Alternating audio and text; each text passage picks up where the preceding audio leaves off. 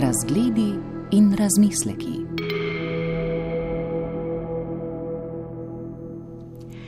Najprej vprašanje o naslovu vašega romana Unterstadt. Vem, da je to nemško poimenovanje dela Osijeka, vendar ima tudi metaforičen pomen in hkrati nakazuje, kakšen jezik uporabljate v besedilu, ki je prepreden s popačenimi nemškimi izrazi, kot so jih uporabljali nekateri osječani v preteklosti. Pa da, uh, Unterstadt je kvart četvrt u gradu Osijeku, jer Osijek je imao uz Unterstadt koji je kao donji grad. Ja, Unterstadt je četrt v mestu Osijek, kajti v Osijeku sta bila poleg spodnjega mesta Unterstadt še zgornje mesto Oberstadt in tvrdža, utrjeni grad, ki se je imenoval Mittelstadt. Ti nemški izrazi govorijo o dejstvu, da je v Osijeku živelo veliko Nemcev, da je bila nemška skupnost številčna. Pred drugo svetovno vojno so v Osijeku živeli mnogi ljudje, veliko je bilo mačarov, celo italijani so živeli tam, izdelovali so opeke, imeli so opekarne. V Osijeku se je izoblikoval poseben nemški žargon, ki je bil celo priznan kot uradni esegrski jezik. Nemci so namreč Osijeku rekli esek, zato je naslov romana Unterstadt. V tej četrti je namreč živelo največ osjeških Nemcev. Ima pa tudi metaforično sporočilo, saj knjiga govori o skrivnostih, o zamolčanih družinskih skrivnostih in o strahu, da se bodo nad družino zgrnile težave, če bi kakšna skrivnost prišla na dan in celo v javnost. V romanu sem zato ohranila jezik, ki ga mladi ne govorijo več. To je esegerski jezik prežet s popačanimi nemškimi besedami.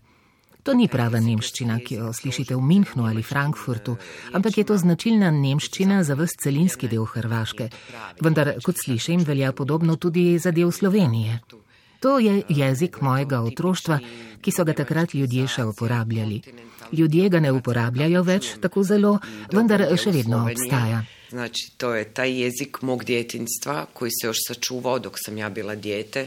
Više ga nema toliko, iako je još uvijek prisutan. V predgovoru knjige Unterstadt pišete o zgodovini kot o vedi in o tem, da veda ne vključuje individualnih zgodb. O zgodovini je treba govoriti in pisati, da bi nekatere stvari ohranili in jih ne bi pozabili, pravite. O kateri zgodovini pišete v romanu Unterstadt? Unterstadt govori o četiri generacije žena jedne njemačke obitelji i zapravo imamo tri priče Unterstadt pripoveduje o štirih generacijah žensk neke nemške družine. Pravzaprav imamo zgodbe treh žensk, ki se v romanu prepletajo in pogosto govorijo o istem dogodku, vsaka po svoje. Tako vidimo, da doživljamo zgodovinske dogodke vsak po svoje. Enako kot pri prometni nezgodi udeleženci pripovedujejo policiji vsak drugačno različico tega, kar se je zgodilo. Roman Unterstadt govori najprej o prvi svetovni vojni, o posledicah vojne na meščane in na duševnost moških, ki so bili na fronti. Tu gre za pradetka glavne junakinje v romanu, ki je prišel iz vojne s posttraumatskim vojnim sindromom. Potem je druga svetovna vojna, povojno obdobje, potem še zadnja domovinska vojna na Hrvaškem, tako da so v knjigi tri vojne in posledice teh vojn, čeprav se najbolj posveča posledicam druge vojne. Govorimo o dogodkih dela zgodovine, ki se jih v času bivše države Jugoslavije ni smelo niti omeniti. In sicer, da so partizani nemške družine, ženske in otroke odpeljali v partizanska taborišča. O tem se včasih ni smelo govoriti. Nemških obitelji, djece in žena v partizanske logore. O tome se jednostavno nije smelo govoriti tada. Se pravi, da pred 40 leti ta knjiga ne bi mogla iziti. Pa mislim da ne bi. Mislim da bi bila jako cenzurirana, ali mislim da ja prije 40 godina ne bih baš mogla ni doći do informacija. Mislim da ne. Verjetno bi jo cenzurirali. Mislim pa tudi, da pred 40 leti jaz ne bi mogla priti do informacij. Tako pa sem lahko prišla v arhive muzejev, da sem pregledala stare časopise iz tega časa, pregledala popise ljudi, ki so izginili v taboriščih, našla njihova imena. Pred 40 leti tega ne bi mogla. Da prije 40 godina ne bih do toga mogla ni doći. Ali veliko raziskujete, preden začnete pisati roman ali novele? V slovenščini imamo tudi roman Ezan, naprimer, ki je bil gotovo kar zahteven projekt, saj se dogaja v času turških upadov v naše kraje. Ja uvijek jako istražujem. Uh, jako istražujem zato što moram se uživjeti u to doba. Vedno veliko raziskujem. Veliko raziskujem, ker se moram uživeti v tisti čas. Za Ezan sem zelo dolgo, tri leta zbirala gradivo. Kadar si izberete temo, o kateri boste pisali, je ta tema v nekem kontekstu, iz katerega je ne morete izločiti in se posvetiti samo njej. Ko sem pisala Izan, sem morala poznati vse okoliščine 16. stoletja v Evropi. Takrat se ni dogajal samo udor Turkov v Srednjo Evropo, ampak sta se dogajali tudi reformacija, protireformacija, dogajali so se pokoli med kristijani, preganjanje čarovnic, sežiganje knjig, preganjanje znanstvenikov. Morala sem preučiti vse. Turško cesarstvo ni bilo osredotočeno samo na Balkan. Gre še za velik del Afrike, prodirali so tudi proti severu in vzhodu. Širilo se je vse povsod, mi sami pa si mislimo, da smo bili zelo pomembni, vendar nismo bili. Tri leta sem morala proučevati tako arhivsko gradivo kot najrazličnejše dokumente in nove dosežke, odkritja. Prav tako za Unterstadt, pa tudi za roman Štajga, Promenada, kmalo bo išel v slovenščini. Veliko preučujem, saj je treba biti pozoren na najmanjše podrobnosti, da ne napišeš kakšne neumnosti, ki ni v skladu z obdobjem, o katerem pišem. Včasih gre za banalne stvari. Recimo v romanu Unterstadt oče glavne junakinje Katarine umira za rakom. Najprej sem napisala, da ga zdravijo s kemoterapijo, potem pa sem za vsak primer poklicala prijatelja, zdravnika in ga vprašala, ali je to mogoče. On me je vprašal, kdaj približno se to dogaja in ko sem mu rekla, da se dogaja okrog leta 1980, mi je rekel, pozabi na to kemoterapijo, to ni mogoče. Takrat kemoterapije ni bilo. Postopki zdravljenja so bili taki in taki in taki, nič drugega. S tem podatkom mi je zelo pomagal, kajti vedno je možnost, da bo roman bral kak zdravnik in bo rekel, aha, tule pa se je zmotila, tole ni prav. Veliko prijateljev imam, ki so strokovnjaki za različna področja. Pokličem jih in jih nadlegujem z vprašanji. Zbiram pa tudi pričevanja. Čim več pričevanj. Za Unterstadt so mi ljudje pripovedovali o tem času. Imam puno prijatelja, ki so stručni na određenim područjima in onda jih nazivam i dosađujem im i pitam ih. I puno svjedočanstava prikupljam. Za Unterstadt su mi baš živi ljudi svjedočili o tom vremenu. V čem mislite, da je privlačnost vaše knjige, da je bralec, ko začne z branjem, ne more odložiti? Zaradi natančnih opisov, realizma, sloga pisanja? Pa ja ne znam, zapravo Unterstadt je, ja sam Unterstadt, ma ja uvijek u svaku knjigu koju pišem dajem sebe, ja nikada knjige ne pišem reda radi. Pravzaprav ne vem, vsako knjigo, ki jo pišem, pišem iz sebe. Nikdar ne pišem zato, ker bi morala pisati. Pri meni ni sprenevedanja, ni spakovanja, vedno sem iskrena, tako kot v resničnem življenju. Pri Unterštatu se je zgodil čudež, ljudje so me klicali, mi pravili, da so ga vzeli v roke ob desetih zvečer in ga brali do štirih zjutraj. Potem so mi po Facebooku sporočali recimo takole. Ne vem, kako bom danes zmogla delati v službi, ker sem do štirih brala knjigo in se na koncu popolnoma razjokala. Unterštat je knjiga, v kateri se najde vsak ker je vsak človek v svoji družini doživel vsaj delček zgodbe, kakršna se dogaja v Unterštatu. Za model oseb v romanu sem vzela resnične ljudi. Moji liki imajo vse človeške lastnosti. Noben izmed njih ni popolnoma dober ali popolnoma slab. Ljudje so taki in mislim, da morajo biti taki tudi v literaturi. Avtor mora biti iskren. Nič ni črno-belo, noben dogodek ni popolnoma pozitiven, popolnoma negativen. Rada rečem, da sem v vsako svojo knjigo dala ne le duše, ampak tudi drobovje. Najbolj pa v Unterštat in v Ezan. Ezan mi je neskončno ljub roman. V vsako svojo knjigo. A najviše nekako v tej Unterštat in v Ezan. Jer Ezan mi je isto beskrajno drag roman. Nekateri ljudje, tako imenovani zmagovalci v drugi svetovni vojni, bi morda lahko razumeli Unterstadt kot kritiko ali celo napad na nje. Pa ja imam jedno iskustvo koje zapravo jako, jako mi je drago, a to je da uh, taj roman i predstavu koja je nastala prema Unterštatu Zelo sem vesela, da se mi je zgodilo tole. Gledališko predstavo, narejeno po romanu Unterstadt, si je ogledala unukinja maršala Tita. Saša Bros je moja prijateljica. Zelo sva si blizu in imam jo rada. Čudovita ženska je, izvrstna umetnica, režiserka. Nikdar ne bom pozabila, kako sem jo po predstavi zagledala pred seboj na hodniku gledališča in sem jo vprašala, Saša, si jezna name? Ona je stegnila roke proti meni in rekla, daj da te objamem. To je čudovita predstava. Ampak tvoj stari oče je v predstavi prikazan v slabi luči, sem ji rekla. Ona pa, to ni pomembno, to je zgodovina. Še vedno sva dobri prijateljici. Dejstvo je, da se je človeku težko sprijazniti s tem, kar je slabo v njegovi preteklosti. Tudi jaz, recimo. Bila sem aktivno udeležena v vojni za Hrvaško in bom vedno priznala, da so se dogajale tudi slabe stvari. S tem nimam težav. Ja, dobivala sem tudi sporočila, da v romanu nisem bila zvesta resnici in tako naprej, vendar so bravci ob knjigi po večini doživeli katarzo, očiščanje. Ko je bila v Osjeku predstavitev romana, je prišlo zelo veliko ljudi. Nekateri so jokali, ker so doživeli, da se je končno o tem, kar pišem, spregovorilo. Za nje je bilo to izjemno olajšanje. Sin nekoga, ki je hodil k meni pripovedovati, kaj se je v preteklosti dogajalo in sem to uporabila pri Unterštatu, mi je po treh mesecih po izidu romana prišel povedati, da je oče umrl. In ta sin, star kakih 50 let, je jokal in rekel: Hvala vam. Mislim, da je oče čakal, da je roman izšel, saj je šele zdaj mogel v miru umreti. Ta človek je bil mizar tišler in je hodil k meni več dni zapored, sedel je pri meni v dnevni sobi, jaz pa sem zapisovala.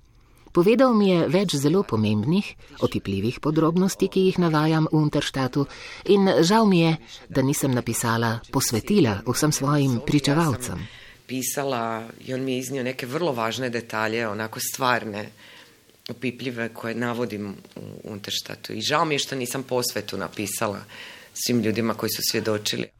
Rekli ste, da moramo preteklost spoznavati in jo zapisovati, da ne bi pozabili. Pomembno pa je tudi iskanje resnice. Resnice v književnosti, pa tudi v družbi, saj je to edini način, da pridemo na novo raven soočanja drugega z drugim, samih sabo in s preteklostjo. Pa istina je beskrajno važna, samo što problem što političkim elitama. Resnica je neskončno pomembna. Problem pa je, ker političnim elitam resnica ne ustreza. Saj bi jim resnica onemogočila, da bi spore obrnili v svoj prid in ostali na oblasti. Izkrivljanje resnice, strašansko spreminjanje resnice se dogaja naprimer v Srbiji. Vlada znova izvoljenega predsednika lahko ostaja na oblasti samo zaradi sporov s sosedi. To se mi zdi strašno. Celoten narod je njegov talec. Resnica je mučna, težka, resnico je vedno težko slišati, kajti mi sebe, narod ali skupino, ki jo druži kakšna ideologija, doživljamo kot pozitivne. To je normalno. Če ne bi bilo tako, bi se lahko vsi ubili. Ampak, ko pride nekdo in ti reče: Glej, ti si v redu, ampak to in to in to pri tebi ni v redu, se moraš s tem soočiti in to sprejeti, kar ni lahko. Proces katarze očiščanja je navadno zelo boleč. Tudi meni, kot pripadnici hrvaškega naroda, ni bilo lahko predelati Jasenovca. Ampak jaz ne mislim, da sem odgovorna za Jasenovac. Mislim pa, da moram o tem govoriti, da se kaj podobnega ne bi več zgodilo. In vedno bom govorila, da če je bi bil tam umorjen en sam otrok, ena ženska, en civil samo zato, ker je bil pripadnik med narekovaji napačne vire, naroda, ideologije, je to zločin. Priznam. Bilo mi je strašno težko to doumeti in sprejeti. Vendar danes, ko grem tja, čutim jezo, sram in neskončno žalost. Mi vsi se moramo soočiti z dejstvi in ne gledati samo tujih zločinov pred svojimi, pa zapirati oči in reči, da jih ni bilo. Bili so. Vsi smo jih zagrešili. Ja osjećam beskrajnu tugu. Ali mi se svi sa tim moramo, a ne samo gledati tuđe zločine, a vlastite zatvarati oči i reći nije ih bilo. Bilo ih je. Svi smo radili zločine. Mislim, da ste z romanom Unterstadt napisali omaž ženskam. Ženskam, ki preživijo, ki nosijo na ramah težo zgodovine. Moški v romanu so bolj v ozadju in kot beremo, ne preživijo. Pa da, ja sam zapravo shvatila da žene doista u obitelji nose sve. Ja, ugotovila sem, da ženske, še posebej v družini, prenašajo vse. Moški odhajajo v vojne, se vračajo nazaj nori, moški morajo biti to, kar mislijo, da pomeni biti moški, se pravi, da malo popivajo, malo zapeljujejo ženske in tako naprej. Dokler je ženska stabilna, močna in stoji za svojimi otroki, je družina trdna. To sem hotela pokazati. Pa tudi evolucija položaja žensk.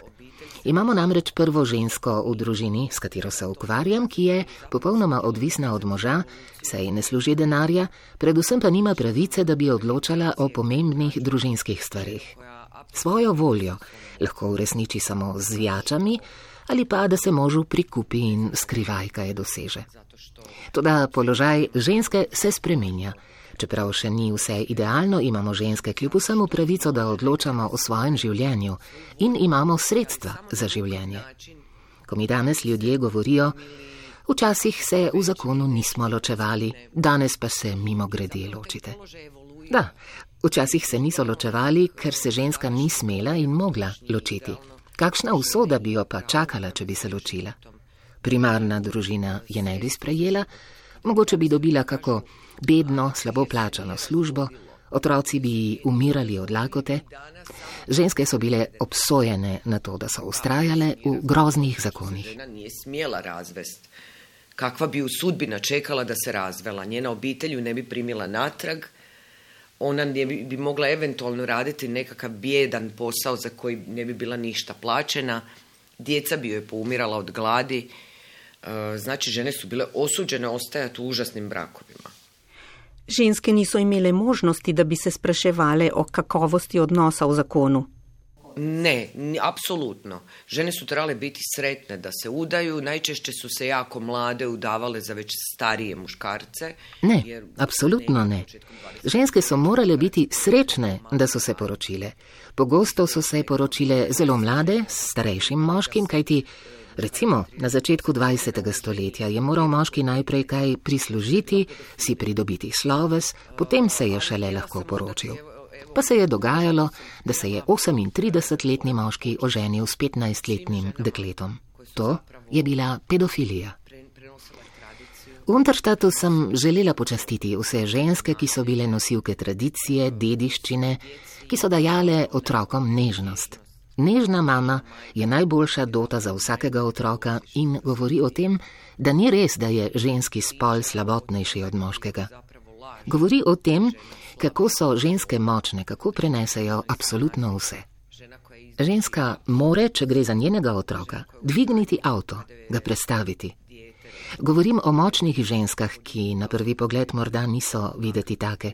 To so izjemne ženske, ki so, čeprav jim družba ni naklonjena, še posebej v prvi polovici 20. stoletja, preživele, ostale normalne, kljub vsem moškim, ki so se vračali iz vojn, nori, poškodovani, ki so pili, kockali.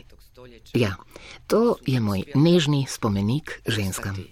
i, i, i ostati normalne, da tako kažem, u sve muškarce koji su se iz ratova vla- vraćali ludi, poremećeni, koji su pili, kockali. Ovaj, da, to je moj nježni spomenik ženama. Še vprašanje o psihologiji. Vemo, da izkušnja vojne ne poškoduje samo ljudi, ki jo doživijo, ampak pušča posledice tudi na potomcih rojenih v mirnem času. Ali bo glavni junakini Katarini, edini preživeli iz družine tik pred začetkom 21. stoletja, uspelo preseči travme iz preteklosti, ki jih šele po mamini smrti prepoznava prek zamolčanih zgodb družinske prijateljice Jozefine? Naravno da da. Ja mislim da je em, kada se progovori o tajnama koje su se skrivale, znači Katarina zapravo doznaje da njezin pradjed Seveda. Mislim, da je to mogoče, ko skrivnosti pridejo na plan, recimo, ko Katarina spozna, da je njen pradet naredil samomor. Samomor imajo ljudje za nekaj sramotnega. Ko Katarina ugotovi, na kakšen način so umirali člani družine, kako so ostali brez hiše, brez imetja, kako so jih ponižali, mislim, da odpušča svoji družini. Razume tudi vse težave v komunikaciji, ki so bile posledice zamolčanega. Na koncu romana začenja razumeti, zakaj je bila mama taka, kakršna je bila. Hladna, zadržana, obsedena s čiščenjem. Ja, mislim, da ji bo lažje. Na koncu je tudi videti, da ji je. Nasplošno sem prepričana, da moramo o preteklosti govoriti. Ne smemo dopustiti travmam, da nas vlečajo nazaj, nas vsakič znova prizadenajo.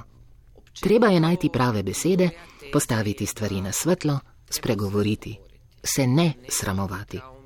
Osvoboditi se moramo sramu tega, kar smo preživeli, pa zato nismo bili odgovorni. To moramo dojeti. V družbi imamo še vedno neka moralna pravila, ki nas težijo. Obremenjeni smo z nekakšnim krščanskim načelom, da moramo trpeti, da bi prišli v nebesa. To je načelo, ki je uničilo veliko ljudi. Načelo, da smo si vse, kar se nam dogaja, zaslužili. Ženska, ki so jo posilili, si je zaslužila, da so jo posilili. Pretepena ženska je že morala nekaj narediti in si je že zaslužila, da jo je nekdo pretepel. Tega mišljenja se moramo osvoboditi, ker je nasilja nad ženskami vse več. Ne vem za Slovenijo, ampak na Hrvaškem gotovo. Strašno je, da ljudje rečejo, ko vidijo na smrt pretepeno žensko, ja, kdo ve, kaj mu je naredila, da jo on mladi do nemoglosti. Osvoboditi se moramo, ker gre za sprevrženo, zelo slabo hinavsko krščansko mišljenje, ki se ga je treba otresti. Sicer sledi vse splošno nasilje. Strašno je, što javnost, što publika, kada vidimo ženu pretučenu na smrt, kažu, ha, ko zna šta je ona njemu napravila, da on nju ubije batinama. Moramo se osloboditi, jer to je jedna podmukla vrlo loša, vrlo iskrivljena kršćanska misao koje se moramo osloboditi, inače idemo u nasilje potpuno. Najlepša hvala. Hvala vama. Razgledi in razmisleki.